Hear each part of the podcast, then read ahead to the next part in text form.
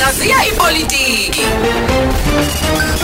Hlaziya ipolitiki. enhla nasezantsi siyabingelela kwabendlovu namandla namhla isihloko sethu sikhuluma ngobula bokufela abaholi kunokufela umongo noma ingonyuluka yeqembu ubula bokufela abaholi kunokufela umongo noma ingonyuluka yeqembu lesi kimi isihloko esimqoka ngoba ipolitiki yaseningizimu Afrika nase-Afrika jikelele igcwele amathuna abantu abafa bebulalana bebulawa ngenxa yomholi.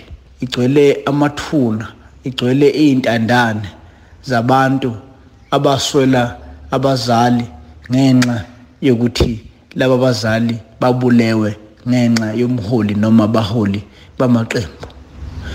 Nokho sengikhilo lokho ngiye ngithi bangcono labo ngoba siyazi ukuthi nanka amathuna abo sibangcwabile laphaya nanka amagama abo.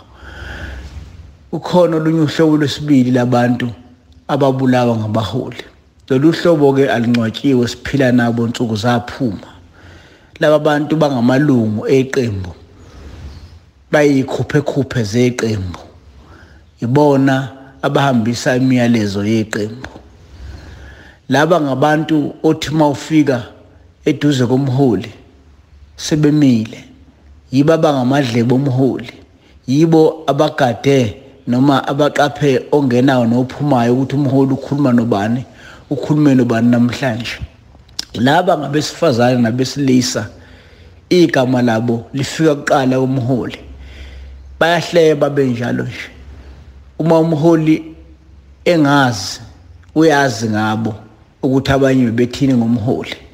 Baningi abantu ngenxa yalesi sidumbu esesibulawe ubuholi ngoba ngithi idumbu zabaholi ngoba akusekho umuntu lapha.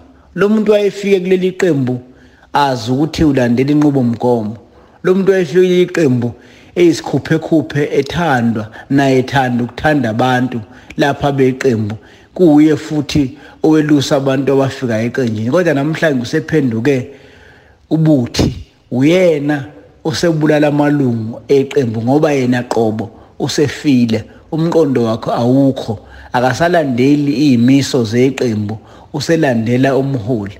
Usevikela umholi ngisho engafanele ukuvikelwa. Bangaka abantu asebexoshisa abantu emaqenjini bangaka abantu asebebulalisa abantu emaqenjini. eAfrika yonke ngenxa nje yolimi ngenxa yalomuntu othi yena umele umholi othi yena uthanda umholi. Lo muntu njengoba ngikhuluma nawe nje qala langa ubekhuluma ngabanye kumholi. Lo muntu njengoba ngikhuluma nawe nje usevukile. Uyosho kumholi ukuthi usivuke nje naziphi. Namhla kulalwa kuyobuya yena azokhuluma indaba. Ngithike laba bantu abantu abayinkinga emaqenjini amaqembu amaningi. eAfrika. Kawazwani njaye ngoba kwaye kwabangwa umgomo weqembu. Abaphikisani njengoba baphikisana ngokuthi iqembu kufuneka lenze nabu ubuhle. Cha baphikisana ngoba umholi uthuzwe kuthiwa ngaye. Abezwa ke laba bantu ungachithi isikhathi sakho uzuthi ufuna ukuyokhuluma nabo ngoba uma ukhuluma nabo ukhuluma netshe ngamaxoki. Abantu laba abajabulayo uma kuzwakala izwi labo yikho ngithi ke iAfrika yebo inezidumbu zabantu ababulayo ngenxa yabaholi. Kodwa kungcono lokho ngoba siyazazi lezi idumbu sinamagamazo sinamathuna singamakhomba.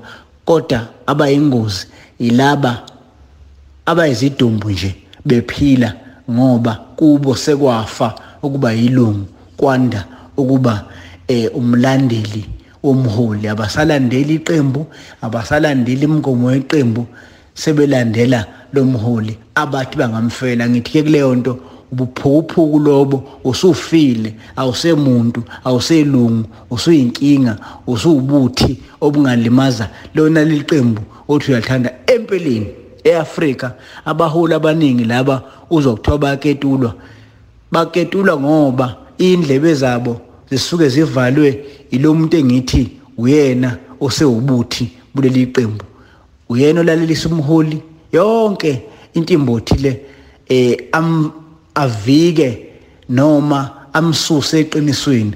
Umholi yothu uyavuka ngelinye ilanga avuka abantu sebemesangweni sebezomkhipha esikhundleni sebezomkhipha ukuthi abe ngomengameli umulaleleke umholi weqembu baqaphele laba bantu abantu bayakuthanda kanti bahleba ngamagama amanye amalungu eqembini lakho. Ngelinye ilanga uyothi uyavuka uvuka abantu begcwele eminyango bezokukhipha esikhundleni sakho. Qaphela. Ama-podcast ethu uvakashela u-www.ukhozifm.co.za Hlaziya ipolitiki. Hlaziya ipolitiki.